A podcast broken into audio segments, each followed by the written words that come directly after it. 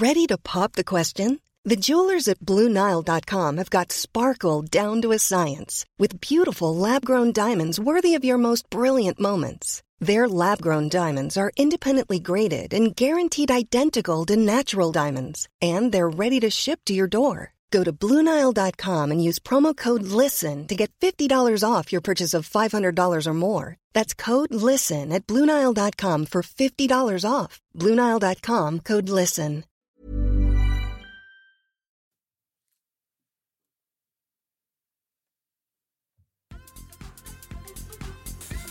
Välkomna tillbaka till Kedja ut, en podcast om discgolf. I veckans avsnitt så bjuder vi bland annat på en medaljintervju från Tyni och presenterar ett nytt segment där ni lyssnare kan ge era inspel i framtiden.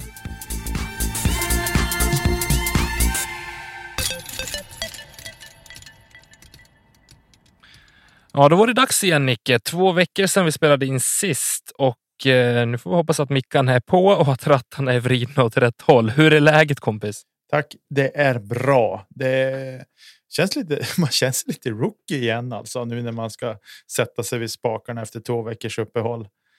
Eh, men du känns ändå spänstig. Du känns glad och energisk och spänstig. Ja, men det är ju semester så att nu, nu får man inte vara, hänga med huvudet och, och så där, utan nu är upp med hakan och så vara glad och nöjd över att det är semester bara. Ja, jag får väl inte annat än att hålla med här som jag sitter med en nyblandad rom och cola i handen och eh, ska försöka ta oss igenom den här timmen tillsammans med dig. Det ska bli fantastiskt trevligt. Jag har sett fram emot det här avsnittet. ja, okej. Okay. Eh, faktiskt. Det ska bli jätteroligt. Ja. Jag tänkte bara höra lite grann vad, ja, vad, vad har hänt sen sist när vi spelade in? Det har ju spelats en hel del discgolf, men vad, för din egen del, vad har, hur är formen så att säga? Formen är väl eh, eh, den är väl ändå ganska bra tycker jag. Jag mår bra. Jag, det är skönt att jag liksom känner att jag redan känner mig rätt pigg. Trots nio dagar eller nio dygn i husvagn. Eh, så känner jag mig pigg och stark. Så här, eh, när jag varit hemma i två dygn, lite drygt. Eh, så det känns bra. Jag ska inte klaga. Discord-formen känns väl helt okej. Okay, tycker jag. Jag har inte spelat på det under de här dygnen när jag varit bortrest. Någonting alls. Jag hade en plan att jag skulle spela, men jag har inte spelat något. Eh, så så att eh, det är väl som det är. Hur är det med dig? Det är bra. Jag hade en, eh, stora ynnesten att få gå i samma grupp som dig igår när vi spelade vårt lokala seriespel som är sanktionerat och eh, jag tycker att du, du gjorde väl det du skulle där. Ja, eh, måste jag få säga. Jag var ganska. Ja, jag tyckte det var trevligt. Vi hade en väldigt trevlig runda tycker jag. Det var eh, fanns inte mycket att, att lipa över där. Det var väl några, några kast vi vi vill ha igen såklart, men det är det väl alltid. Säg den runda som man inte vill ha igen sina en del kast. Eh, men vi hade ett trevligt sällskap av Johan och Ronny också, så det var ju. Eh, en härlig två timmars runda. Det var det och vi hann knappt komma fram till första tiden när du brände av första sågningen på mig. Så allting var som vanligt och då känner jag mig trygg. måste jag ändå säga. Ja, precis. Man måste hålla det kort. Det har jag lärt mig Faktiskt. Ja, precis. Jag, eh, jag har ju tagit eh, tåget ner i morse till eh, mina föräldrar utanför Falun och stötte på en gammal discgolfstjärna här nere i Falun, Petter Kallimäki, som lockade lite grann med att jag skulle komma ut och spela för att nu har de ju faktiskt anlagt några pro på Åsbo. Så jag försöker planera in en liten tripp in till stan här några, några dagar framöver för att lufta kastarmen lite grann. Just det. Det ska bli trevligt. Spännande, som... Eh, spännande att höra vilka, vilka hår det är de har gjort om. Då. Jag tyckte mig se någonting i sociala medier om typ hål 10. Jag kan ha jättefel också, men eller är det hål 11? Ah, skitsamma, jag orkar inte gå in på det. Eh, men jag tror att det kan bli bra. De har som mål att eh, få en lite högre rating på par än vad, vad som ligger i dagsläget. Och då är väl Protease en, ett steg i rätt riktning, kan jag tro. Mm. Just det. Definitivt. I övrigt så är det väl bara ja, par-SM kommer vi få höra lite mer av eh, senare i programmet. Sen har det spelats Altagus eller Alutagus i Estland. Jag vet inte hur man uttalar det där, så ni får eh, skicka in era såklingor i eh, vårt DM på Instagram. Kedja ut. Eh, och sen så har det ju spelats eh, en finsk tävling i European Pro Tour på Tyni och eh, vi ska alldeles strax ringa upp eh, vår egen bronsmedaljör Lina Rydberg och få höra lite mer om det. Mm. Eh, och senare i programmet innan vi klappar igen för denna gång så kommer vi faktiskt lansera ett nytt segment. Ett eh, segment som kommer leva med oss nu, åtminstone resten av året, som jag brinner väldigt mycket för. Och det här kan eh, bli både kontroversiellt och det kan bli helt åt helskotta, men jag tror att det kommer bli riktigt bra. Nej, det kommer att bli bra. Jag är helt övertygad om det. Jag vet inte riktigt vad, vad, vad kan gå fel. Nej, vi- men jag kan ju säga att någon... Ja, vi, tar, vi, tar det sen. Vi tar det sen. Ja, det Eh, vi, vi är ju lite trea på bollen känner jag kring par-SM. ja, Eh, behöver vi orda så mycket om det? Nej, jag tänker att vi behöver inte orda så mycket om det. Det var kul att se att Johan och Henke höll ihop det och vann på, på herrsidan. Och Mm. att Emily och Hanna vann på damsidan. Eh, Stort grattis får vi bara säga. Stort grattis till dem. Precis. Eh, Och sen på juniorsidan hade vi Hjalmar Fredriksson och eh, vad hette hans parhäst? Du, nu sätter du mig på pottan deluxe här. Yes, äntligen får jag ge igen. Men vi får väl eh, surfa in på vårt kära Shing.se ska vi försöka ta fram det här. Eh, Vi lämnar ju ingen glömd så att säga. Nej, jag kommer inte ihåg. Kan han heta mm, Arvid? Ja, någonting på A känns eh, rimligt ändå. Eh, och eh, i övrigt kring parhästen så fick vi. De var väl tredje mest. Tredje störst, hade tredje största tittarsiffrorna på SVT Play också. Som jag förstår det under helgen. Nice. Ja. Vi, Eh, Axel Wernborg heter han. Axel Wernborg, eh, så var det. Kompanjerade ihop med Hjalmar. Precis. Och eh, de gick ju väl en lite annorlunda layout än vad MPO gjorde, men jag tror att de hade bäst score på hela helgen. Japp, 44 kast under par. Eh, så hatten av. Nu spelar de ju andra format ska sägas. Eh, eller de spelar samma layout, men de spelar andra format än vad MPO gjorde. Mm. Vilket skulle kunna ha gjort. Men ändå, det är sjukt imponerande. Det spelar som ingen roll. Det är, det är så otroligt imponerande. Det ska bli otroligt intressant att se vad Hjalmar kan, kan hitta på i framtiden. Och hur, han- hur han ska stå sig mot världseliten. Ja, jag... Eh, lokalt så brukar jag lyfta Hjalmar just att jag faktiskt har fått se honom spela live och eh, ja, det var en upplevelse just då. Mm. Eh, och jag tror att det är en spelare vi definitivt ska hålla ögonen på eh, kommande åren här och se vad han kan ställa till med för oreda ute på ja, både svensk och internationell mark. Ja, och jag tycker att det är kul med honom att han, eh, fast han är ung, så är han redan en inspirationskälla också för yngre spelare under honom och även spelarna runt omkring honom åldersmässigt såklart. Eh, så där. så att eh, hatten av till dig Almar om du lyssnar. Eh, Aluta Goose. Säger vi. Ja, det har, det har spelats. Har spelats. Var fin bana. Eh, Jag brukar blänga igenom någon runda där. Eh, Och jag gillar, eller det är två banor, men jag gillar framförallt eh, banan de spelar första rundan. Jag har inte namnet på den, men det är väl den som har mer OB än, eh, alltså konstgjort OB än naturligt OB. eh, Som jag tycker är eh, ja, väldigt estetiskt tilltalande framförallt. Just det.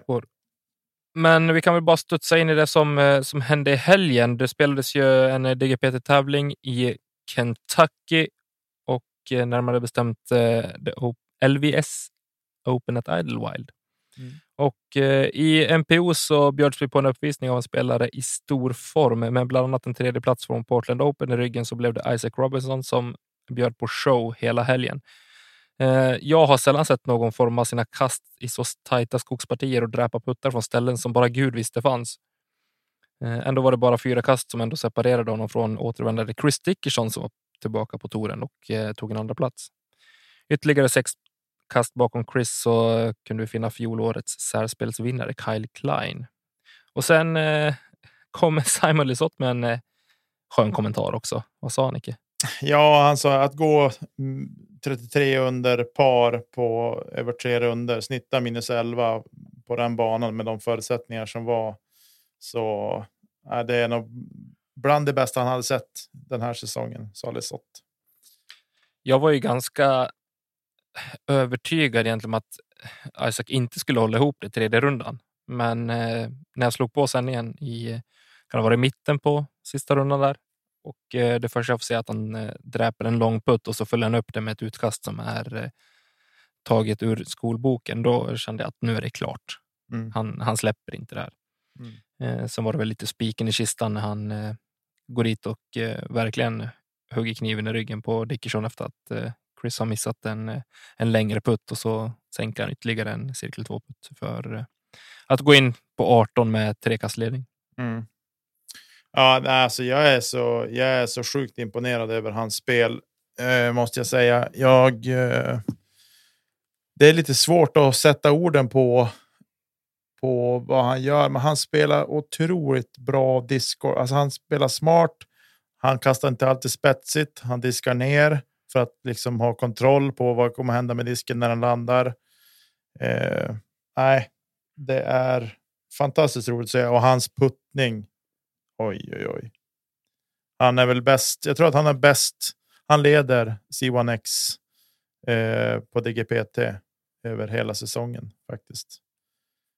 Mm. Nu har han inte spelat eh, fullt lika många event som, eh, som många andra, men eh, det visar ju i alla fall vart han står någonstans. Ja, nej, Mm. han, eh, han är ruggig på putta och han har en, han har en, en teknik som eh, tycker jag sticker ut på ett sätt för att han den ser så otroligt effortless ut. Det ser inte ut som att han gör någonting nästan, men ändå så får han sån fart på disken.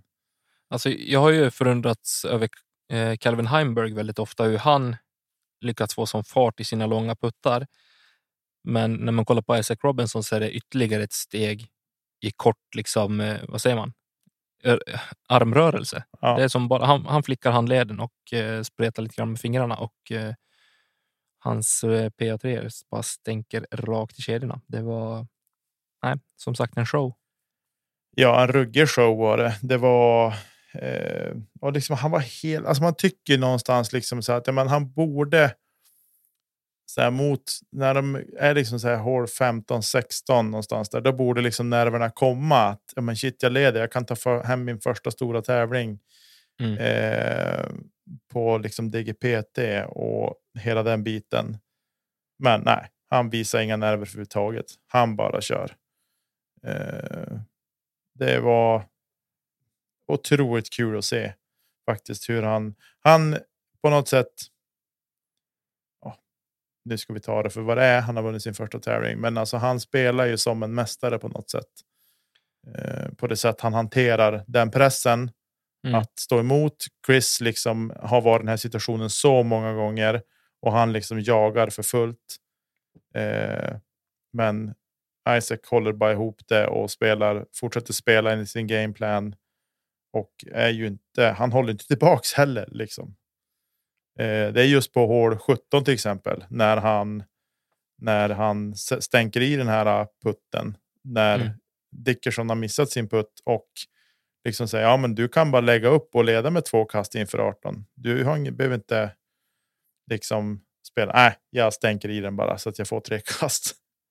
För det, det var ju Filo inne på i, i kommentatorsbåset också att eh, här är det bara att lägga upp. Ta två kast ledning in på 18 och eh, spela på det där liksom. Mm. Men eh, nej, jag, man såg glöden i ögonen på honom när han klev upp och skulle ta den putten att den här, det här är inget lägga upp tillfälle utan han, han dräper den hur säkert som helst. Ja. Nej, så det var otroligt imponerande och hatten av till Isaac Robinson och stort grattis till en fin seger på en inte så lätt bana heller ska vi säga. Nej, jag förstår inte hur man kan eh, få de scorarna på, på den banan och speciellt inte i de eh, förhållandena som eh, Lisotte var inne på också. Att nej, hatten av. Som sagt. Ja. Och för er som inte har sett live coverage så kan jag bara säga att eh, under runda två, hål 10, där bjuds det på läckerheter. Den putten är eh, nog helgens snyggaste. Mm. Är det. I FPO då så skulle, ja, gammal skulle visa sig vara äldst när Katrina Allen besegrade regnet och leran allra bäst när hon två kast före Missy Gannon tog hem högsta valören. Missy som för andra året i rad fick nöja sig med en silverpeng i Burlington.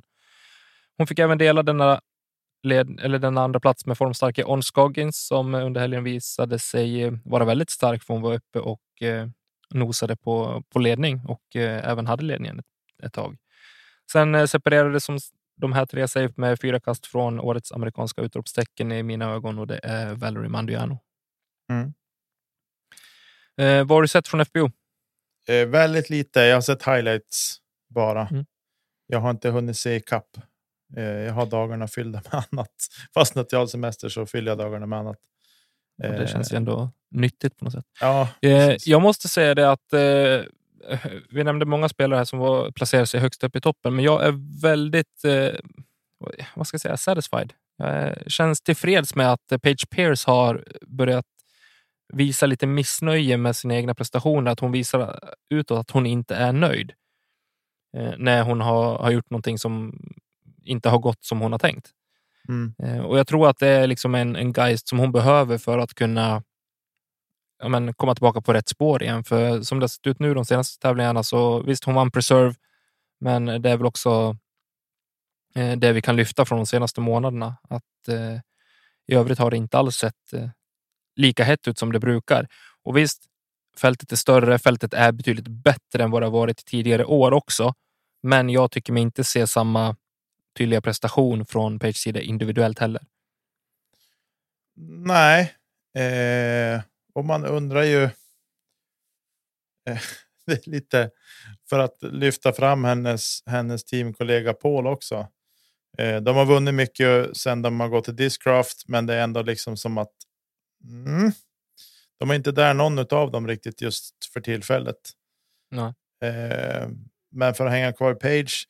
Jag vet inte om det är mycket grejer som händer utanför i privata livet också som gör att hon liksom inte har, kan hålla fullt fokus på tävlingar eller sådana saker. Men det var ju någon eller situation inför US Women's, vet jag, då tog hon åt sig att eh, hjälpa Jomes lite grann med både eh, kommentatorer eller kommentatorskap och eh, diverse, vilket såklart tar fokus från spelandet också.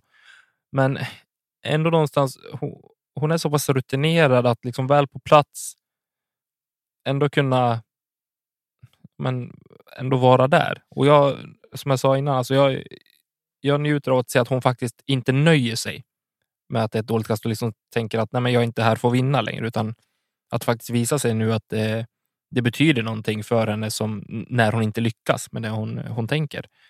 Och jag tror att det är, kan vara en gnista inför eh, framtiden och kommande majors och eh, höstsäsongen här på, på touren också, att faktiskt eh, ta sig i kragen och eh, lyfta sig. Ja, eh, jag tänkte också på det där med att hon har kommenterat, men jag tänker nu vet jag inte när, om hon liksom så här tvingas skriva upp två timmar tidigare för att hinna med kommenteringen eller hur det funkar. Det vet jag inte. Men det känns ju som att hon är på den nivån att hon ska kunna hantera det på ett tillräckligt bra sätt. Mm. Tycker jag. För vi vet ju, hon brinner ju för liksom att lyfta damdiscgolfen också. Då, det är klart att hon ska få göra det. Men någonstans så kommer det också kanske ta eller liksom ta energi och eh, prestation från hennes eh, professionella discgolfkarriär också. Det har vi varit inne på tidigare i podden. Mm.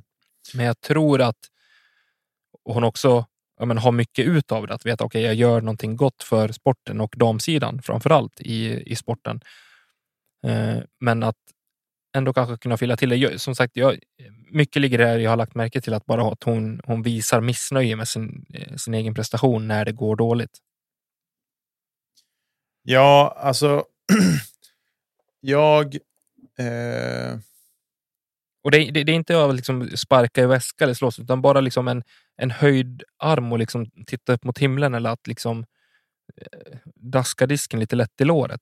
Det är de två jag kan komma på under, under helgen och, ja, och förra helgen. Nej, men... liksom, eh, bara sådana små grejer att fan, det här var inte bra. Jag är missnöjd. Ja, jag är helt och hållet med på vad du, på vad du tänker. och så. Jag tänker bara att hon borde... Eh, Page borde nog kanske eh, bara liksom landa i att ja, men, jag kan det här. Om det är någon sorts press som de lagt på sig. Sen är det ju också det att damfältet blir bättre. Det kommer upp fler spelare. Spelare som får kontrakt kan leva på discgolfen på ett annat sätt på damsidan också, vilket gör att de kan träna heltid. Page är ju inte liksom någon übermensch som inte går att övervinna liksom och så. Eh, och, så att jag tänker så att ja, men hon, hon, kan ha, hon kan ha varit på sin, på sin peak. Så kan det vara. Mm. Sen, även om hon inte är lastgammal. Men sen kan det även vara så liksom att de, de andra börjar komma ikapp henne nu. Lite grann. Det kommer inte vara lika självklart som det var för några säsonger sedan. Page... Nej, och, absolut. Och det har vi pratat om både en på FPO, att det liksom breddas och fler kommer vara med och slåss i toppen. Men som jag var inne på lite grann, att just den här individuella prestationen också. att Jag tror inte att det handlar om ålder, att hon kanske börjar gå ner sig, utan just inställningen och eh, kanske svårigheten att veta vad man faktiskt vill med discgolfen och vad som, som betyder mest. Ja, jag är helt enig. Helt enig. Du, du var inne lite grann på det här med stora kontrakt och så där. Mm. Eh, vill bara lyfta här. Kona Pennis, 40 kast över par, slutar på en eh, delad 42 plats. Mm. Just saying. Eh, Sorgligt att, att se. Med, ja, eh, jag pratade lite grann med vår kompis Ki här om dagen och han eh, sa det. Kommer ni ihåg när jag sa att eh, Valerie Mandiano är den man ska hålla ögonen på här några år framöver? Ja, det minns jag. Eh, och eh, med det facit i hand så kan vi tycka att eh, någon kanske har lagt pengarna på fel ställe. Sen kanske hon driver, eh, eller vi får väl hoppas för Dynamics eh, skull att eh, det är Kona som driver disk och inte Manduano i det här fallet. Eh, ja, jag tänker också så här. Eh, det här har vi sett förr att eh, för Kona ska gifta sig i år. Eh, och vi vet ju vad som hände med Paul när han gifte sig. Och Page Chu. Och Page Chu också. Så att jag tror att jag hoppas ju såklart att, att Kona kommer att hämta sig. Att den här säsongen kanske hon liksom, ja, men jag spelar de tävlingar jag vill och liksom så försöker komma tillbaka till glädjen och sådana saker utan alltså prestigelöst beroende på mm. vad de säger från Dynamics håll då, så att säga. Men. Eh, ja, men och det är i kombination med att eh, hon kanske ändå känner större press. Hon lämnade ett väldigt tryggt Innova för henne.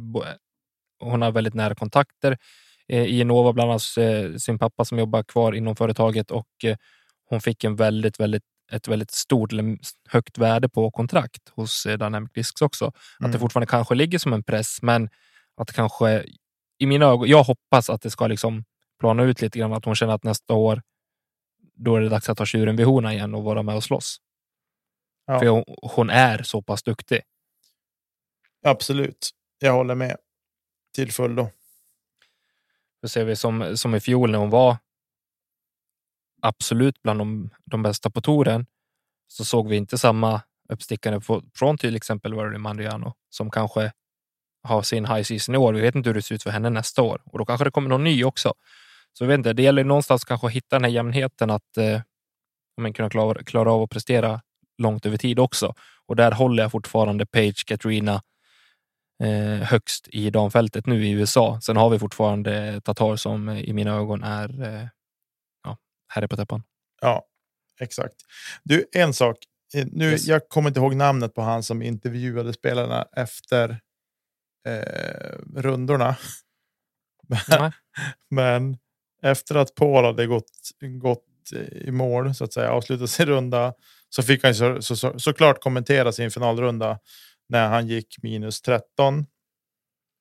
Och ja, det blir ju ett nytt banrekord som att de gjort om banan sedan i fjol. Mm. Eh, han tangerade väl det banrekordet som var i fjol på minus 13. Eh, och det var lite så här. Jag tänkte på dig direkt när jag hörde vad han svarade. Bara, ja, men jag vann ju inte, så vad spelar banrekordet för roll? Nej. Men det är ju lite det mindsetet som jag, jag brinner för lite grann också, som jag liksom går igång på. Att du spelar discgolf, du är där för att vinna. Ja. Eh, du tävlar för att vinna, du deltar i stora tävlingar för att, för att vara bäst och, och vinna tävlingen. Ja. Eh, och det mindsetet och liksom den inställningen är någonting som jag, jag håller högt och det är därför jag gillar Paul Macbeth. Jag gillar inte honom för att han eh, kastar en viss typ av diskar, utan jag som idrottsman så håller jag honom väldigt, väldigt högt och det är därför jag ofta kan anse att han kanske är en av få professionella, riktiga discgolfare i, i världen just nu också. Ja. Gå in och kolla den intervjun om du inte har sett den, för den var lite, vart lite märklig. För han, han som intervjuar oss säger bara, nu måste du hänga med här. Då ska han liksom förklara fjolåret och de, de liksom banrekord som sattes då. Och hur jämför du dem mot ditt banrekord som du slog nu? Och så här, banan har ju blivit, eh, jag vet inte vad de sa, de sa att den har blivit det är väl typ ett kast lättare. Jag tror att den har blivit, nej men banan har blivit svårare. Eh, men jag tyckte de pratade Efter om... scoren eller innan tävlingen? För de pratade på att den skulle vara typ ett kast lättare. Ja, nej. Men det kanske visade sig att det var tvärtom. Absolut. Ja, jag, tror att det var, jag tror att de tyckte de sa att över tre runder så är den sex kast svårare i år än vad den var i fjol. Okay. Eh, så pass ändå? Okay. Ja. Eh, men det var vad de pratade om på Jomes. Men i, i vilket fall så var det så här, man märkte på Paul bara ta mig härifrån. Men han, han kände någonstans efter första rundan så var han väldigt tillfreds med liksom ändå att han, han hade följt sin gameplan. Han hade några tråkiga kickar och det var liksom bara att köpa det. Ja. Eh, sen kan man väl säga vad man vill om hans eh, beslut på 18 att eh, gå för birdie-inspelet på som är betydligt längre än vad det kanske borde ha varit och så missade han parputten sen, eh, vilket gjorde att han missade leadcard. Men eh, ja, att avsluta med, med 13 under och eh, ligga 9 under efter, efter 8, det är väl ja, godkänd runda. Men han är inne på det också i intervjun efter första rundan att eh, han har inte fått till det att hålla ihop tre hela runder utan det är en runda eller halva runder som, eh, eh som summerar en, en halvdan prestation över en hel helg. Liksom. Ja, precis. Ja, nej, det var, det var, det var lite intressant faktiskt. Eh, och sen en annan grej också. Segerintervjun med Isaac Robinson efteråt. Shit, vilken puls och vilken adrenalinkick han hade. Eh, han hade ju fullt sjå att prata i ordning. Men förvånansvärt hur han håller ihop det ändå när han har gjort sitt inspel. Eller när han har gjort sitt andra kast på 18 och Chris ligger i salladen. Ja. Att han ändå liksom bara eh, kollar på sin caddy slash eh, flickvän outtalat. Jag vet inte vilken relation de har. Men eh, och bara liksom dra lite grann på smilbanden. Det tycker jag ändå är kyligt, lite kaxigt på något vis. Jag hade ju brutit ihop totalt. Jag hade ju lagt mig i leran och gråtit när jag hade förstått att jag skulle vinna den tävlingen. ja. Jag hade tappat det helt. Ja, nej, det var, det var fantastiskt roligt. Och han, liksom, det var det jag menade med att han liksom säger, men håll inte igen. Jag menar, många andra hade ju i det där läget kanske tagit en putter eller en mid, bara kasta ut genom gapet och sen haft ett lättare inspel. Men så här, nej, men jag, han tog någon fairway driver och, och smetade iväg den och liksom la sig för en 5-6 meters putt. Mm. Eh, så otroligt imponerande hur han höll ihop det ändå. Eh, därför, den, den där 5-6 metern, den hade känts som en 15 meters med vatten bakom för en annan. ja. Tror jag. Och det är därför vi spelar kvällsdisken i Umeå också brukar jag säga. ja, precis. Ja, men Inget ont ska, om det. Inget ont om det. Men du, ska vi ta och rulla vidare? Vi gör det.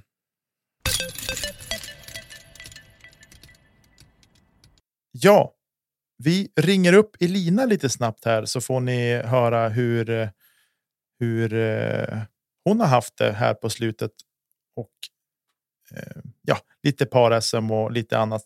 Hon får berätta helt enkelt själv. Här kommer den inspelningen som vi gjorde för en liten stund sedan. Tjena! Hej Elina! Hej Elina! Hej! Hej! Då har vi en färsk bronsmedaljör med oss från Tyni och varmt välkommen tillbaka in i värmen Elina. Ja, men tack. Känns ju lite märkligt att inte sitta med dator och mick framför sig dock. Är det inte ganska avslappnande ändå? Då? Ja, Ja, jo, men det är det. Eh, åh, ja. man är mm, lite trött i kropp och knopp. Eh, efter en sån här urladdning.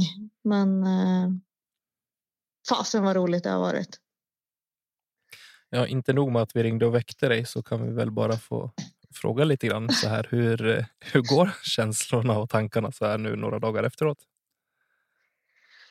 Ja, alltså på ett sätt så, så tror jag inte riktigt att eh, jag har fattat den. Alltså så här, jag har inte fått den reaktionen som jag borde ha fått över den prestation som jag åt, åstadkommit. Liksom. Utan det har varit ganska, ganska chill, vilket känns jättekonstigt.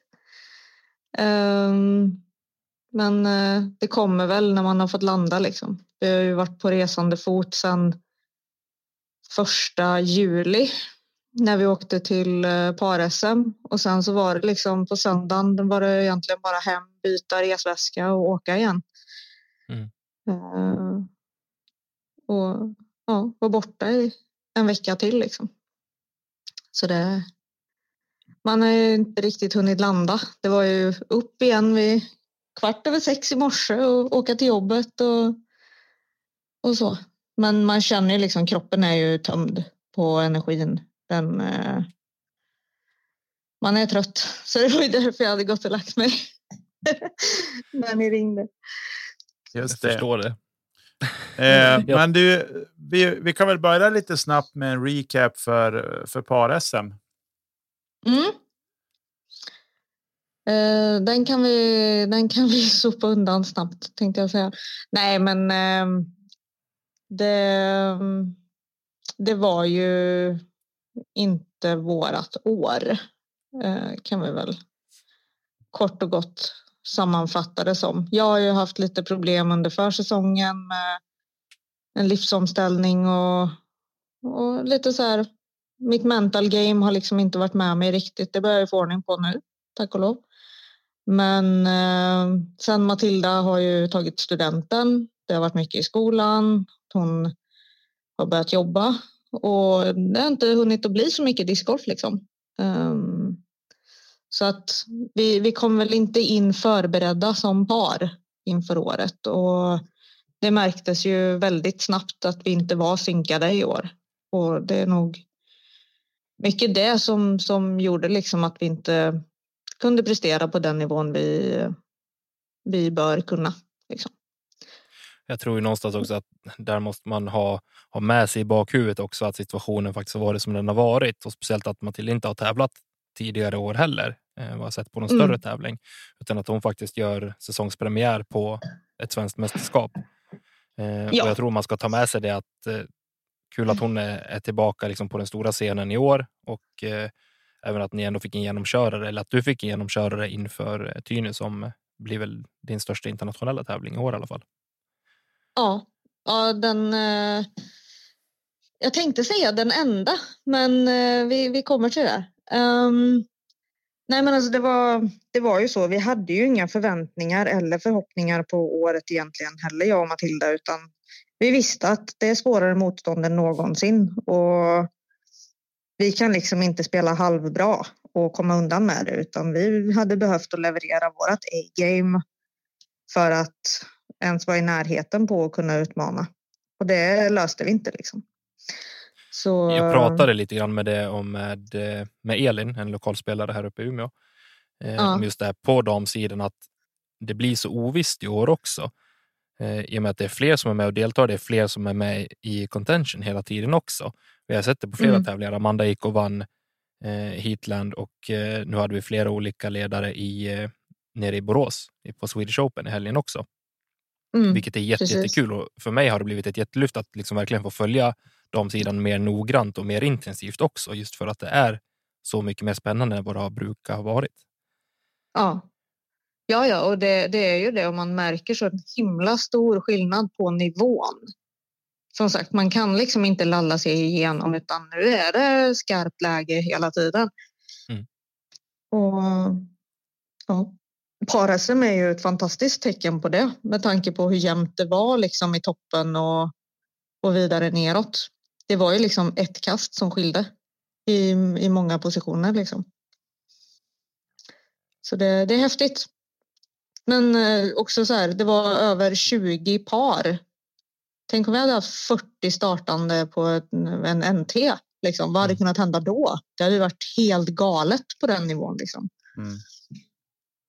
Så det är ju bara hoppas att fler blir bekväma i, i den typen av tävlingssituation och faktiskt vågar hänga på och spela de lite större tävlingarna också. Mm. För men en, E- alltså, en, en NT är ju liksom inte läskig. Det är bara att göra det. Man lär sig så otroligt mycket av att göra det och kan du ställa upp i ett par-SM då har man ju visserligen en kompis med sig men ta med dig samma kompis och åk på en NT. Det är Mm. liksom, det är inget värre. Nej. Liksom. Kloka ord. Eh, just det. Men vi rullar vidare. Till, eh, du åkte hem, bytte väska och sen vart det till Stockholm och färjan över. Jajamän. Eh, till, och sen landade ni till slut i Tyni. En fantastisk bana. Eh, hur Ja, var den att spela? Alltså, magisk. Alltså det är en av de roligaste banorna jag har spelat tror jag. Om vi ser bort ifrån par femman, hål fem. Mm. Eh, för den var liksom så här. Men alltså tänker man bara bort den. Tänker man att banan hade 17 hål. Då var den superrolig. Mm, Hål fem skulle man bara ta sig igenom. Det var liksom inget mer. Det kändes som, alltså, det kändes som att hål fem tog en timme att spela. Det kändes det för de som satt och tittade också tror jag. Jo, jag tror också det. Alltså det är ju helt fruktansvärt verkligen. Ja. Ja, och inte bara i FPO om det var någon som tog det så, utan även på, på här sidan. För jag tyckte det var svårt att Ja, hänga ja. med och se just. eh, Det kanske hade varit lättare om det hade varit en treboll, men nu när det är fyra spelare som som kastar och så skiftar de emellan olika bollar och så är man tillbaka och säger okej, men vem är det som kastar nu? Vem ligger vart? Eh, Jag tyckte det var svårt att hänga med och att det blev ett väldigt stort uppbrott där just på hål 5. Men någonstans ska jag tro Ja. att som spelare också att det var skönt att det ligger som just hål 5 och inte som hål 1 Ja. eller 18 också. Ja, ja, ja. Gud ja. Alltså det var så här. Samla så många börder du kan på 1, 2, 3, 4. Överlev hål 5 och sen börja rundan. Mm. Det var ungefär så det kändes. Ehm, Men alltså det är så här, det spelade ingen roll om det var MPO eller FPO. Jag menar, jag gick bättre än Niklas Antila på hålet. Så det säger liksom en del det också. Mm. Så det var alltså så här, när man tittade på snittet så var det ju inte en par fem. Det var ju liksom en par sex. Mm. Man spelade. Ja, minst. Så du vet, alla sexer, sjuor och åttor man tog på hålet var liksom bra. Mm. Men, men var det, vad var det som du tyckte var, var alltså var det liksom hårdutformningen som var dålig eller var det att det var liksom bara allmänt för svårt eller liksom kan du sätta fingret på vad det var som var med med hål 5? Jag tycker att det ser ju fint ut från 10, men sen när Mm. man ska upp där och föra den där grusvägen upp, det är då det känns som att det är ju det som drar ner det hålet kraftigt. Men kan du sätta ord på vad det är som med det hålet som är eh, tråkigt eller dåligt? Alltså det är överdrivet. Det, det är liksom inte, det är inte ett, eh, ett så här, det är inte ett, ro- det är inte ett discgolfhål. Det är liksom så här, ja, vi har möjligheten att göra en asfet 311 meters hål. Men det är för mycket. Det är liksom så här, utkastet superfint. Jättefint placeringskast liksom där efter träden precis när den börjar. Mm. Men alltså du skulle lika gärna kunna göra en par tre av det och bara sätta korgen lite, alltså eller en par fyra menar jag. Och liksom sätta korgen att du behöver inte sticka bort den här sista biten utan när du kommer, för man är nästan vid sexans tio på, en, på ett tillfälle.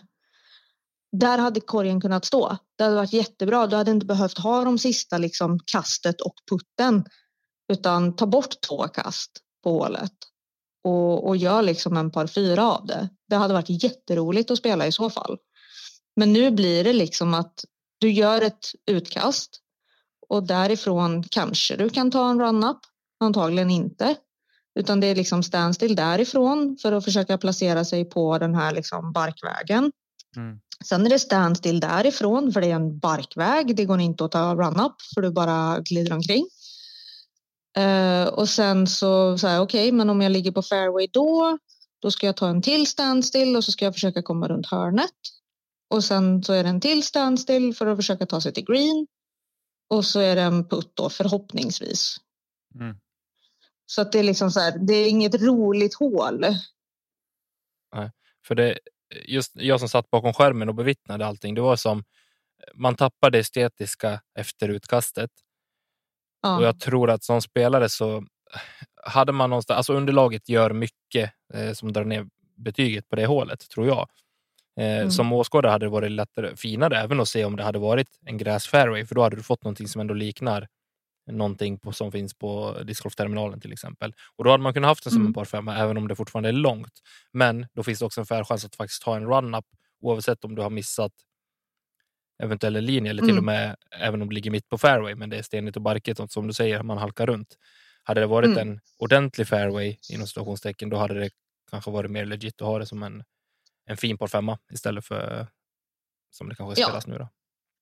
Precis. Och sen eh, jag såg även att eh, post- eh, post-production-rundorna från eh, våran runda är redan uppe för FPO eh, på Disc Golf Stream. Och det finns eh, på deras engelska kanal. De har en engelsk och en finsk. Men där ser man eh, Laura. Utan att spoila för mycket så står hon uppe på klippväggen och kastar. Mm. Alltså det är rent av livsfarligt. Alltså jag Ja. hade sån ångest och puls när hon stod där uppe. Jag bara, tänk om hon tappar balansen nu. Mm. Hon stod ju som med ryggen mot också. Ja, precis. Och sen så här, alltså där borde det liksom ha varit så här, okej, ligger du här uppe så går du ner till linjen utan plikt. Liksom. Du, får inte, du får ingen fördel av att du går ner till linjen för du står diktan väggen liksom. Men åh, var inte där uppe.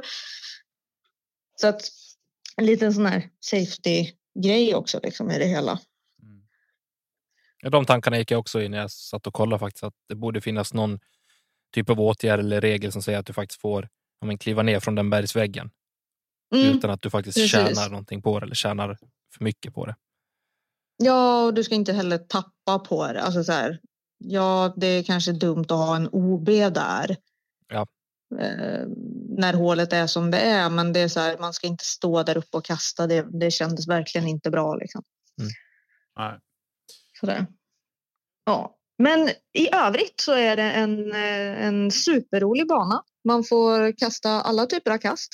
Ehm, jag fick kasta jättemycket midrange och putter från tee. Och det, jag menar, det är inte ens i närheten av många banor i Sverige jag får göra det på. Mm. Jag måste Ehm, bara flika in där och säga att det jag såg från, eh, från dina kast också med just putter och midrange var det var en fröjd för ögat.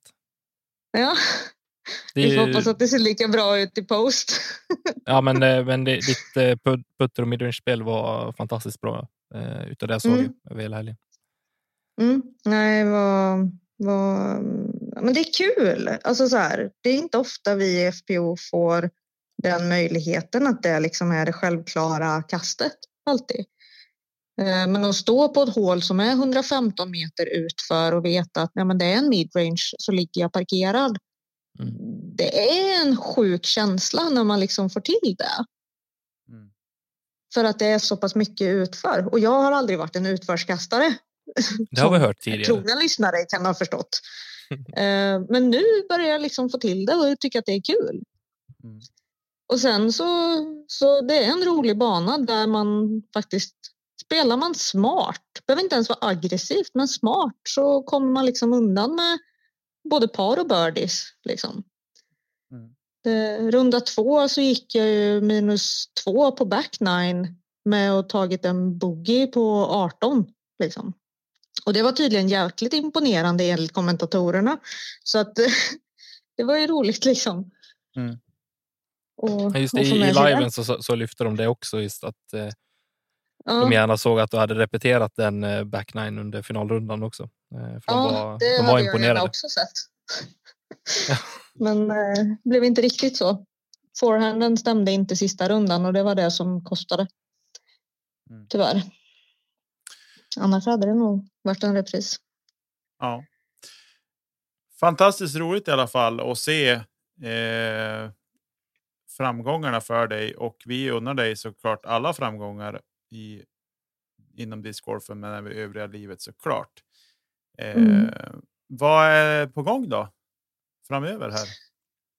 Eh, Framöver nu så ska jag jobba denna veckan och sen så har jag faktiskt semester i en hel vecka som inte är ägnad till eh, discgolf utan det är familjevecka. Lyx. Ehm, Mm. Jag har ju gått och blivit bonusmamma till två fantastiska killar och eh, vi ska ha lite familjesemester på hemmaplan. Får vi gratulera. Eh, tack.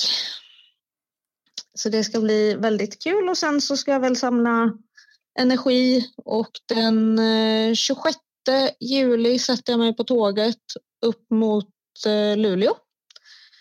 Jag är väl framme den 27 på morgonen.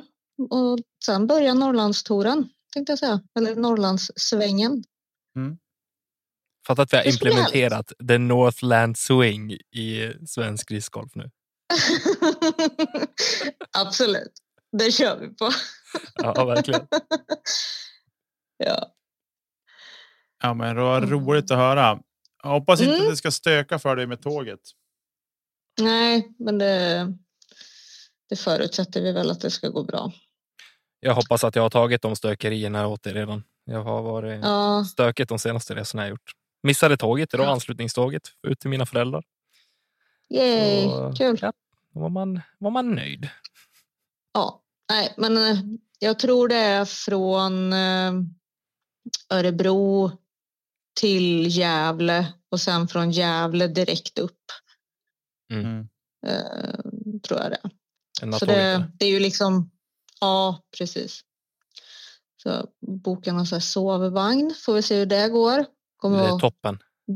Görpigg och skitglad där på onsdag när man kommer upp och ska gå första träningsvarvet. Det är tur man har spelat Serpent förut i alla fall. Ja, precis. ja, men det blir gött. Hör av dig om det blir något stök Elina. Jag åker eh, nog bara med Tommy i bilen på vägen upp. Ja, Eh, perfekt. och så, så att blir det något stök så finns det plats för dig också. Finns sovplats också om det skulle behövas. Är det så? Jajamän. Lyx. Alltså om det skulle bli- skita sig. I hotellrummet finns Ja, det ja. inte sovplats. Nej, okej. Jo, det finns plats. Eller? Ja, det Vi kan ju sig. göra en favorit i repris och så ska jag äta upp Nickes godis igen. Det Eller, tycker men, jag vi ska göra. Lördag kväll. Ja, det låter bra. Ja, Men du är grymt Elina. Då, eh, Mm. ännu en gång stort grattis till en väldigt fin prestation och eh, så längtar jag bara till som några veckor när vi ses i Luleå. Ja. Men vet ni vad? Det jag skulle Nej. avsluta med. Jag Ja. berätta. Aha. Det, det här blir inte eh, min, eh, först, eller min enda internationella tävling i år. Blir det VM? Nej.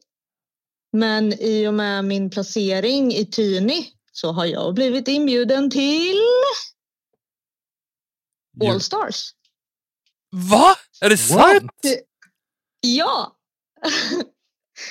EPT All Stars som spelas i Spanien 17 till 19 november. November va? Ja. gött. Så jag ska åka till Spanien då. Jag ska bara Då- lösa det här med jobbet. Men Förlänger vi säsongen med några månader till då? Det är ju fantastiskt. ja, så att vi hoppas på en torr och varm höst nu. Ja. Och Ja, den det- som säger något annat kan åka till fjällen. I så fall.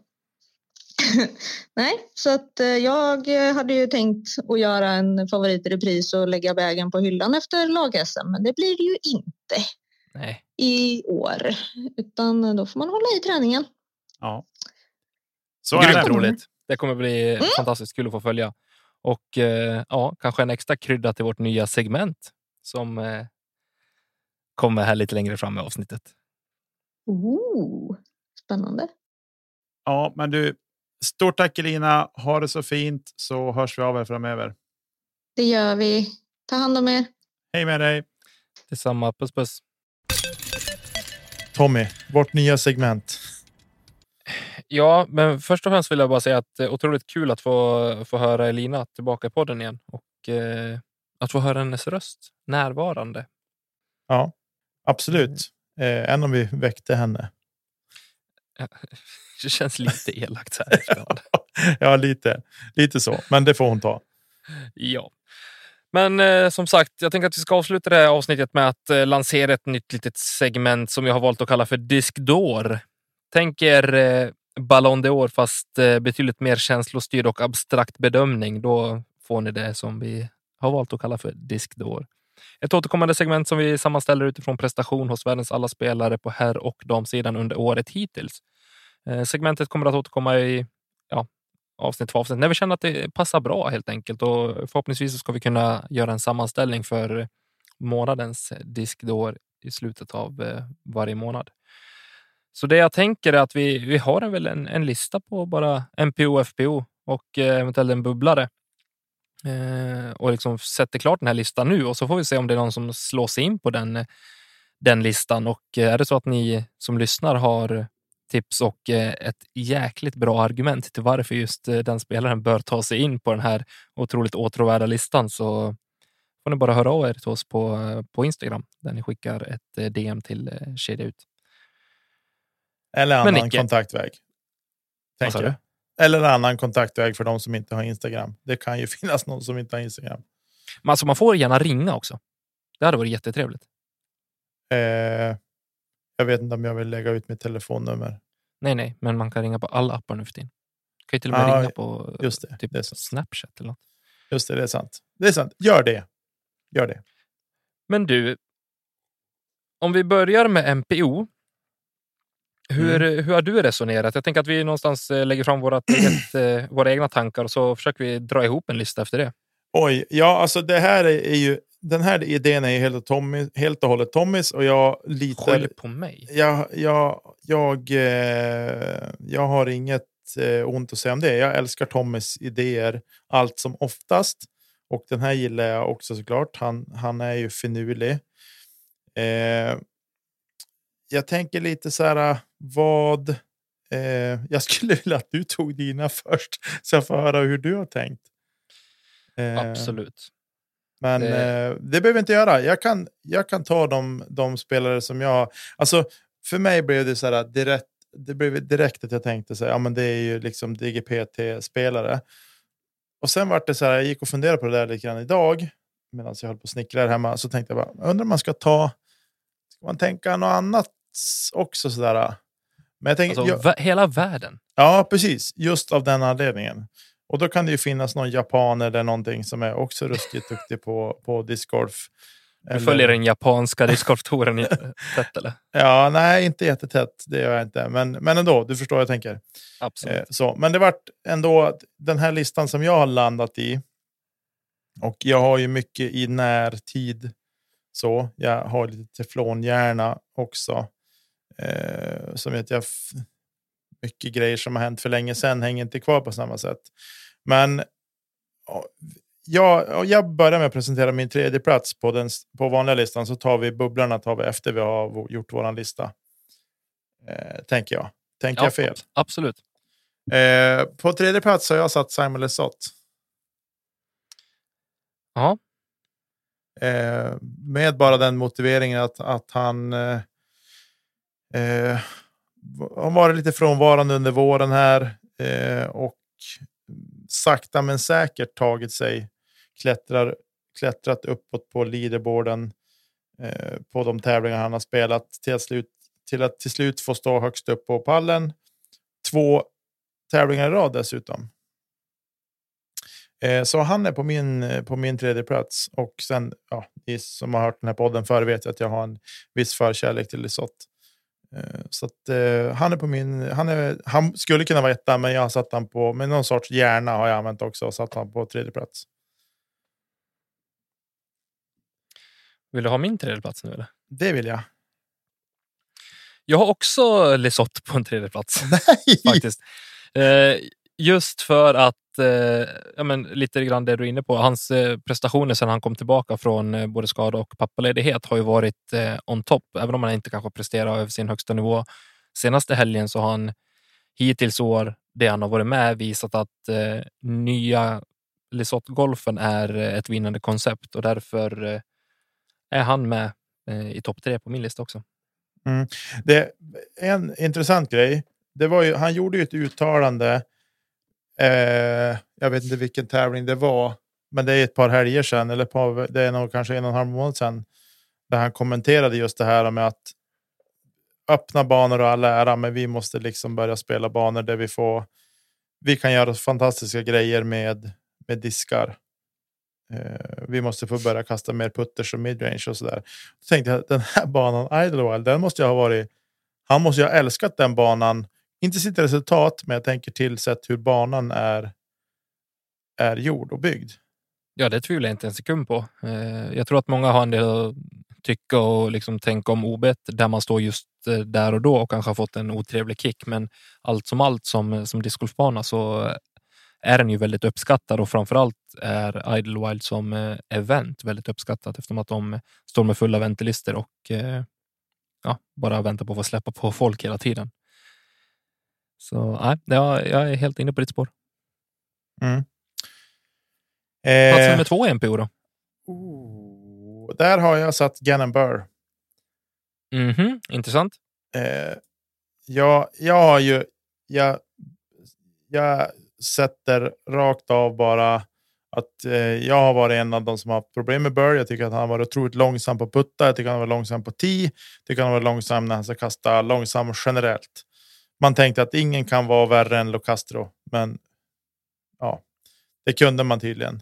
Så, men sen när jag har hört han i en del intervjuer, jag har sett han spela en del på coverage också, så tycker jag att han, bortsett från de där detaljerna i hans pre shot rutiner och sådana saker, så är han en fantastisk discgolfare och en talang som kommer kunna gå hur långt som helst. Men otroligt jordnära person också. eh, Ja. som. För att vara så ung så känns han fantastiskt mogen. Ja, han svävar inte iväg och han, han kommer mycket väl kunna vinna VM eh, så småningom. Jag är ganska övertygad om det. Ja. Faktiskt.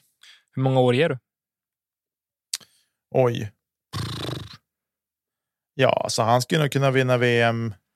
Ja, han skulle kunna vinna i år såklart, men, men jag skulle säga att två, tre år bort tror jag vi får ändå. Ja, om han får vara skadefri också. Eh, ska jag säga. Kanske ska ta lite mer om det i, vårat, eh, i våran VM-special som kommer här framöver.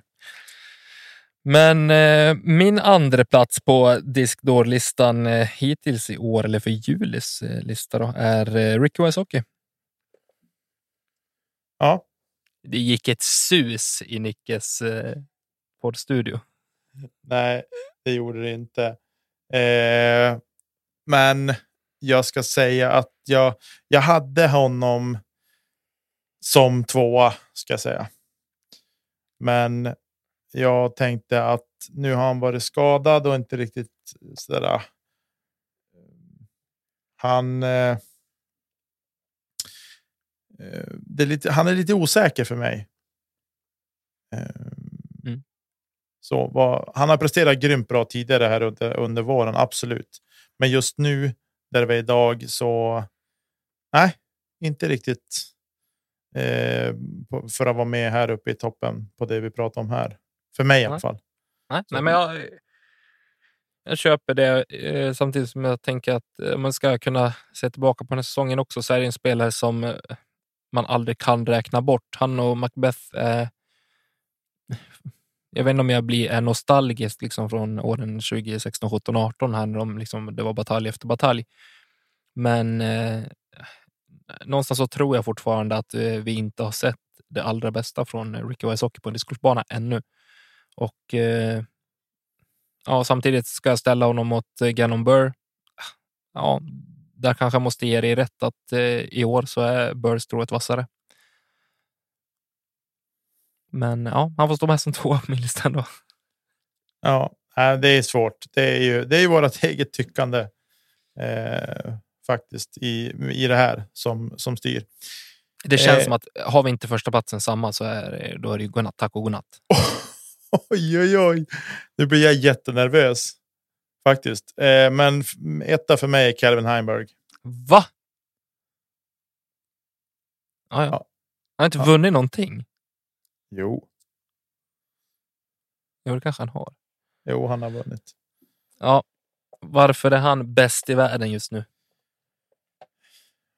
Eh, nej, alltså just nu, just nu, just nu är jag, då, då är det ju min bubblare som är bäst i världen.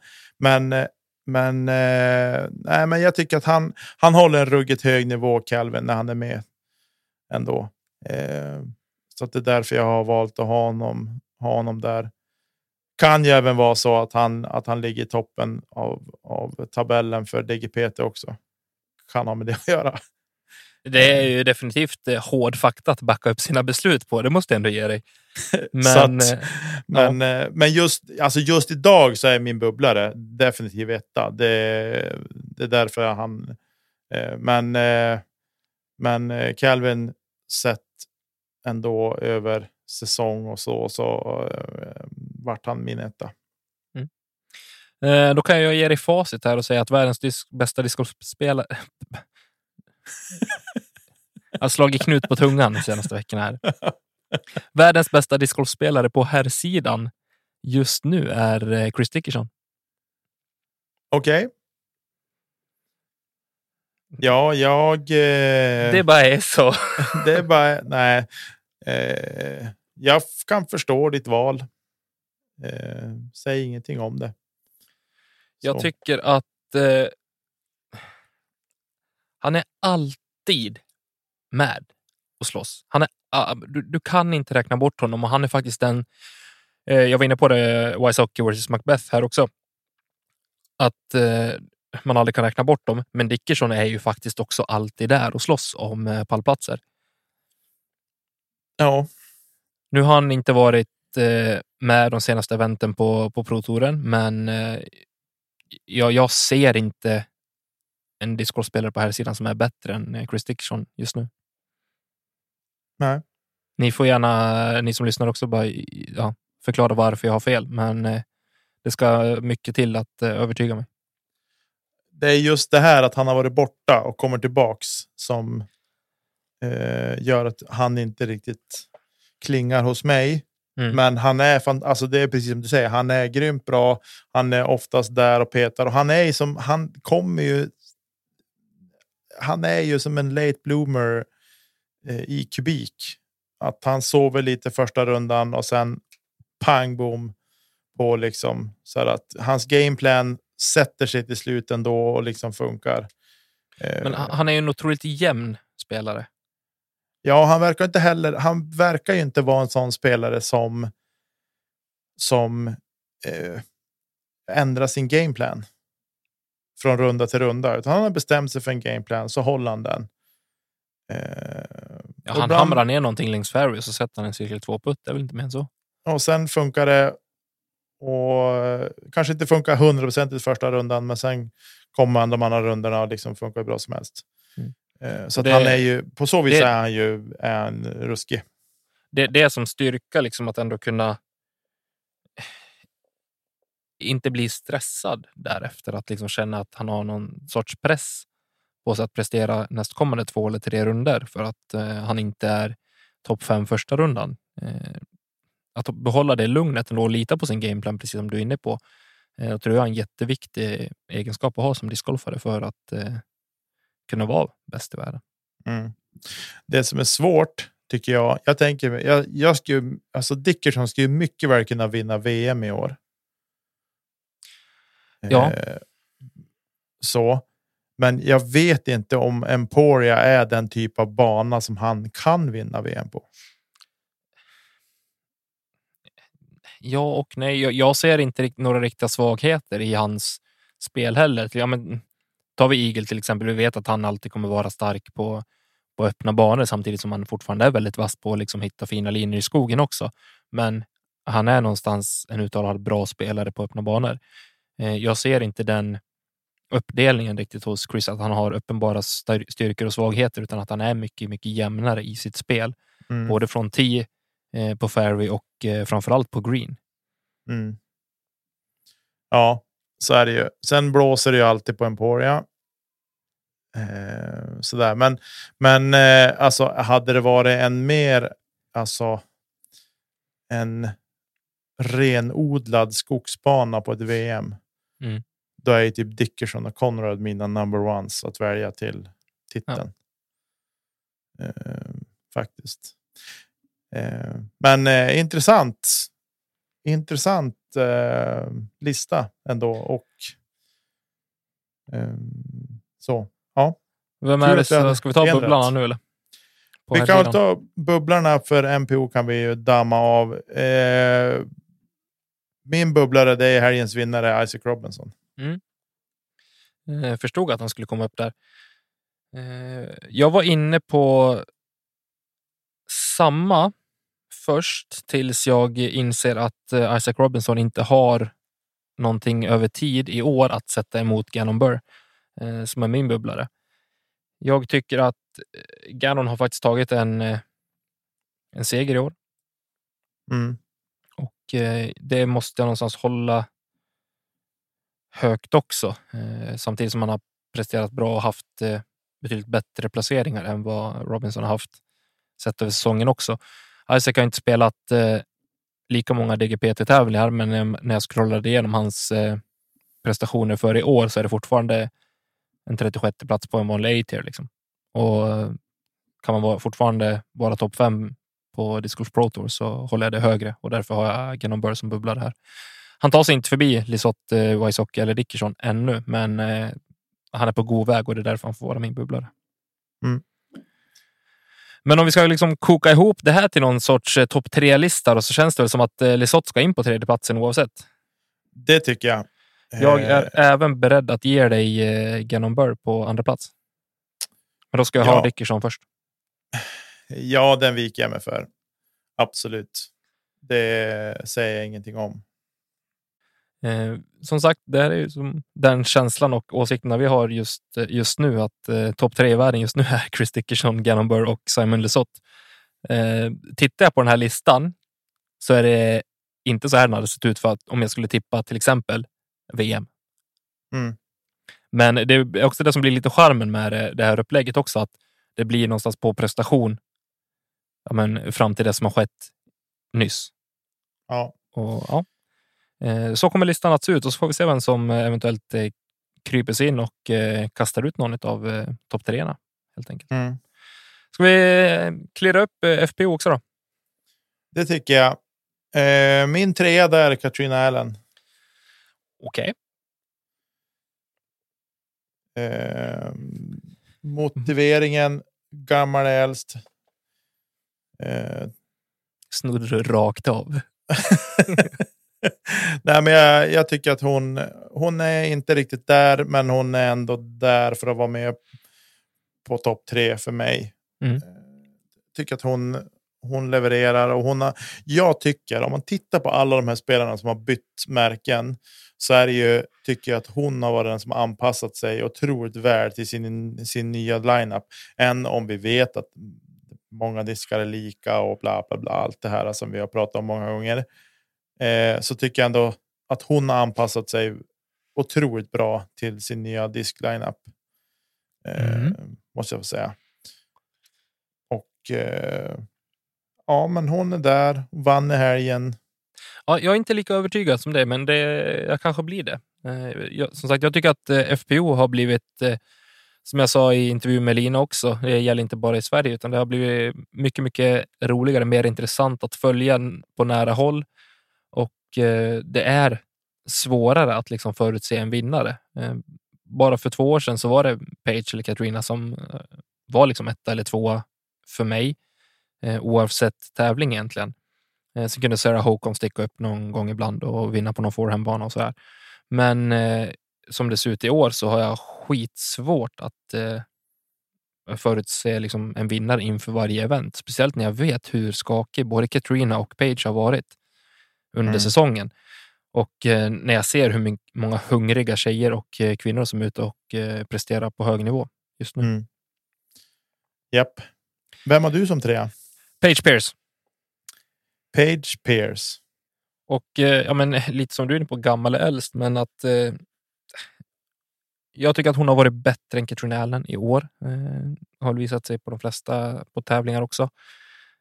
Hon har fortfarande varit med i i toppen på, på flertalet eh, event, även om man haft kanske större bottennapp. Men eh, ja, det är jämnt skägg mellan eh, Page och Katrina skulle jag säga om vi ska jämföra däremellan. Jag Mm. tycker inte någon av dem bör vara högre än topp tre i världen just nu. Nej, nej, det håller jag med dig om fullständigt. För jag kan säga så här, jag har inte ens med Page alls på min lista. Starkt. Och så. Vad har du då på second place? Valerie Mangiano. Har jag. Nej, men jag tycker att hon, eh, hon är up and coming ännu mer i år än vad hon varit tidigare. Vi har berömt hennes teknik tidigare i avsnitten. Hon kastar otroligt fint och så. Och eh, jag ser framför mig en, en världsmästarinna. Mm. Kanske inte i år, men, eh, men eh, lite samma som med Burr. Att inom ett par säsonger så kommer hon definitivt ha en, ha en titel. Om hon får vara skadefri och att hon fortsätter med discgolfen. Vilket vi får förutsätta.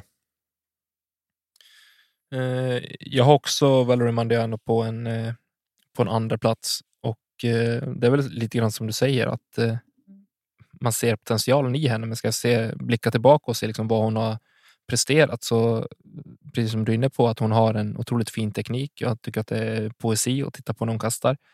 Men även att hon är en otroligt säker puttare, vilket hon inte minst visade prov på i helgen som var. Mm. Så ja, definitivt en contender till, ett, eh, till en eh, världsmästartitel eller världsmästarinna. Mm. På det. Jag eh, känner att det luktar eh, samma namn på eh, bäst i världen också. Ja, ja, jag, jag tänkte att vi kanske hade samma på MPO också, så jag är inte så säker. Men jag har, jag har Kristin Tatar som etta. Ja, det har jag också. Eh, Och vill du ta eh, varför hon är bäst i världen just nu eller vad känner du? nej, men alltså den nivån hon har spelat på när hon har varit över till USA nu här under våren och spelat. Eh, så det går inte annat än att imponeras eh, av hennes spel faktiskt. Det hjälps inte. Det, hon, är, hon är på en nivå som är bättre än alla andra just nu. Jag vet inte riktigt hur jag ska försöka. Sen är det klart man har sett henne på tävlingar där hemma i Europa. Man vill säga, ja, men varför går hon inte minus här också liksom som hon har gjort i USA? Men eh, om vi tar Järva som exempel så, så den banan var ju tuff alltså. Eh, Och det är lite dit eh, jag vill i min motivering också. att hon faktiskt har gjort, när hon har varit på touren i USA och tävlat med övriga på den här listan så har hon fortfarande varit bäst. Eh, Hon har tagit flertalet vinster och eh, är alltid med i toppen. Vad är det? Fortfarande ingen plats utanför topp tre. Jag ska inte säga utan att ha facit på hand för jag har inte kollat upp det. Men eh, hon är alltid där. Eh, sen som du säger att här i Europa, absolut. Jag såg henne darra lite grann på manschetten i, eh, på Järva när hon eh, fortfarande inte var först efter två runder. Men till slut ändå vände på steken och kliver därifrån högst upp på pallen i alla fall. Sen tyvärr i eh, mångas ögon så eh, var hon väl en eh, contender till att vinna Tyni också, men eh, fick DNFa. Jag tror att det har med en eh, armbågsskada att göra och jag hoppas att den läker fort för att snart är det European Open och då vill jag att hon är den som står högst upp på pallen där också. mm. Precis. Men jag tror inte, alltså det är så här, hon har hands down den bästa forehanden i världen just nu. Hon är otroligt säker på green. Jag skulle inte välja någon före henne som eh, skulle putta. Eh, Speciellt inte efter att ha sett Page Pierce i helgen. Men eh, att ha så högkvalitativa verktyg på, i alla delar i sitt spel gör henne liksom, ja, det, det finns ingen annan som ska vara bäst i världen just nu. Eller som kan vara det. Nej, precis. Bubblan då? Det Bubblan. här, det här är intressant, för här tror jag att det kan eh, sticka upp eh, både det ena och det andra. Oj, ja, eh, min bubblare är, är faktiskt eh, vår senaste major-vinnare. Sluta. blev inte lika intressant där som jag tänkte att det skulle bli. Hailey. Ja. Hailey King. Eh, nej men eh, hon, hon har ju inte synts till för mig. Jag ska villigt erkänna, jag har sett alldeles för lite av FPO för att egentligen ens kunna uttala mig i frågan. Men hon tar, sopar hem den majorn som var eh, US Women's DGC, eller vad, det, vad hette den? Yep. Eh, och eh, nej, och då tänker jag så här, nej, men då är man en contender till att slå sig in. Kanske inte tatarnivå, men kunna knipa sig in där just ovanför Mandujano i alla fall. Eh, så att hon är en bubblare till att han komma med på listan. Mm. För min del. Eh, jag stod och valde mellan eh, Hailey King och Ella Hansen faktiskt, som jag, Ella alltså, har, tycker har visat otroligt fin form, speciellt de senaste eventen här. Men i och med att Hailey faktiskt gick och vann US Women så måste hon ha den bubblarplatsen. Jag tycker hon nosar på topp tre, men ja, inte riktigt där än, för hon har inte visat eh, sett över hela säsongen, precis som du var inne på. Mm. Ja. Vem, eh, vem är tredje bäst i världen? På vår gemensamma lista? Mm. Oj. Eh, no, men jag vet inte. Vi har ju. Eh, vi bråkar ju lite grann om det är Page eller Katrina. Eh, för mig känns Page så sval, så därför är hon inte ens med på min lista. Eh, så, men. Eh, men då. Då tar vi Katrina helt enkelt. Jag, jag är inte främmande för det. Eh, faktiskt. Då har vi alltså en lista som lyder enligt följande. Bäst i världen just nu på de sidan är Kristin Tatar och eh, på andra plats hittar vi Valerie Mandiano och eh, en tredje plats innehavs av Katrina Allen som är eh, den senaste vinnaren i Disc Golf Pro Tour. Mm. Vad tycker ni lyssnare? Ge oss gärna din motivering för eh, vilken spelare som kanske ska in och tampas med de här stora spelarna och helt enkelt kicka ut någon av våra storfavoriter från Discdoor. Skicka oss ett DM på Instagram eller skicka oss ett mejl på kedjautsnodd.gmail.com.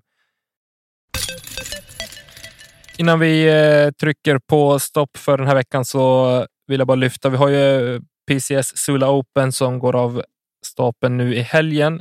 Eh, första anhalten för många amerikaner i Europa sedan typ 2019, va? Ja, det skulle jag vilja säga. Vi har ju ett flertal amerikaner som redan har varit över Europa i år och spelat bland annat Thomas Gilbert och Nate Perkins mm. som spelade Tyni och Gilbert spelade väl Altegus och han var även på Järva. Mm.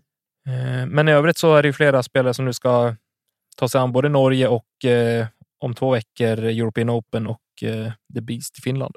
Mm spännande att se. Det ska bli otroligt kul att se jänkarna komma över hit. Eh, och så se dem ta sig an. Jag såg att det var ändå redan några, några lirare som var här och eh, värmde upp lite grann på The Beast.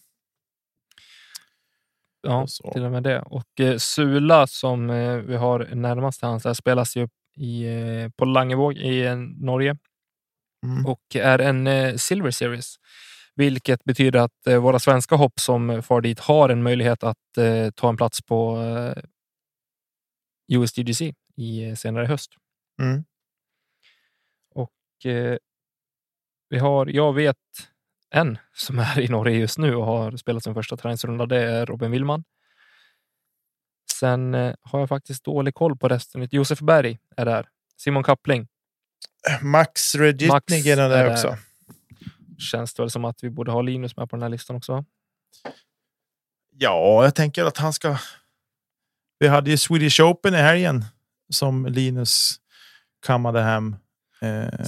Simon Salman ska dit och eh, nej, jag hittar ingen Linus. Ingen Linus. Nej, han kanske tar en eh, en paus inför att åka över till Finland då. Det kan mycket väl så vara och eh, kanske ett klokt beslut. Han, eh, jag tror att han kanske löser en eh, plats på just DGC i alla fall. mm. eh, i och med hans Pro Tour-poäng. Så det, det återstår att se. Absolut. Eh, vem av våra svenska hopp tror du presterar bäst? På här sidan? Oj, eh, det är svårt att säga. Eh, men eh, alla är jätteduktiga spelare. Men jag tror nog ja, att Max och Josef är nog de som jag som jag kanske håller lite högre så. Eh, men. Klart att Kappling och, och Robin kan jag absolut ha ha peta in ett par fina birdies och, och slå sig in där också. Det är jättesvårt att säga. Jag hatar den där frågan. Det är ungefär hur mm. känns det efter att man har vunnit VM-guld? Ja, bra kanske. så nej, men ja, det är så svårt att säga. Jag tycker att man, man borde ha bättre koll på svenskar och europeer än vad man har. Lite så är det väl, men samtidigt så tror jag även att eh, de spår som har satts här under eh, första halvan av året eh, kommer även att spela roll inför helgen och då tror jag att det är Max Rugitnig eller eh, som kommer vara i topp av eh, svenskarna och även eh, kan Simon Kappling strula ihop tre riktigt bra runder så då kommer han definitivt kunna, definitivt kunna vara med och slåss om vinsten. Mm. För, ja, de, de topparna han har bjudit på både på nationella touren och övriga tävlingar här i Sverige och, och så, så tror jag att han blir livsfarlig. Mm. Eh, samtidigt så ska han, eh, eller de ska väl göra det mot eh, Calvin Heimberg, James Conrad, Kevin Jones och Nicolo Castro bland annat. Mm. Väinö Mäkelö, Håkon Kveset och grabbarna är även där. Det ska bli otroligt kul att få följa Disc Golf Pro Tour på Disc Golf Network i, i Norge och på europeisk mark. Mm. Helt klart. Jag håller med. På de sidan så är det väldigt få anmälda. Mm. Jag ska säga, det är eh, elva stycken och eh, där är väl min, eh, mitt europeiska hopp är väl Anniken Sten som har visat prov på väldigt fin discgolf, både här i Sverige men även internationellt i år. Mm. Ja, det var märkligt att det var så otroligt få spelare, men jag tror nog att jag tänker att, att när det är dags för European Open, jag tror att det är det som, som lockar eh, och att folk kanske lägger fokus där. Det skulle jag tro. Eh, faktiskt. Årets eh, andra major för herrarna och eh, tredje för damerna. Va? Mm. Borde vara så. Va? Mm, stämmer. Eh, ja, men du Tommy Bäcke. Eh, vi, har inte, vi har inte pratat så mycket om Swedish Open. Vi gjorde det i och för sig väldigt mycket förra avsnittet, men resultatmässigt så kan vi väl säga att Linus Karlsson vann på herrsidan och på damsidan så vann Sofie Björlycke. Vill man ha lite stats från det så kan man följa Kingup på eh, Instagram och då har de publicerat lite fina grafiska bilder där. Exakt. Helt rätt. Ja, men du Tommy Boy, känner vi oss nöjda med veckans inspelning? Jag tycker det är otroligt kul att vara tillbaka bakom micken igen och eh, ser fram emot eh, ytterligare ett avsnitt nästa vecka inför Eh, European Open också som jag eh, ser som årets höjdpunkt i discgolfvärlden. Mm. Eh, ja, men vi säger inte mer än så. Vi säger tack och gör för den här veckan och ha ett eh, fortsatt fin sommar till alla våra vänner där ute. På med brillorna, lägger i brassestolen och så slår ni på nästa avsnitt av eh, Kedja ut. Puss på er.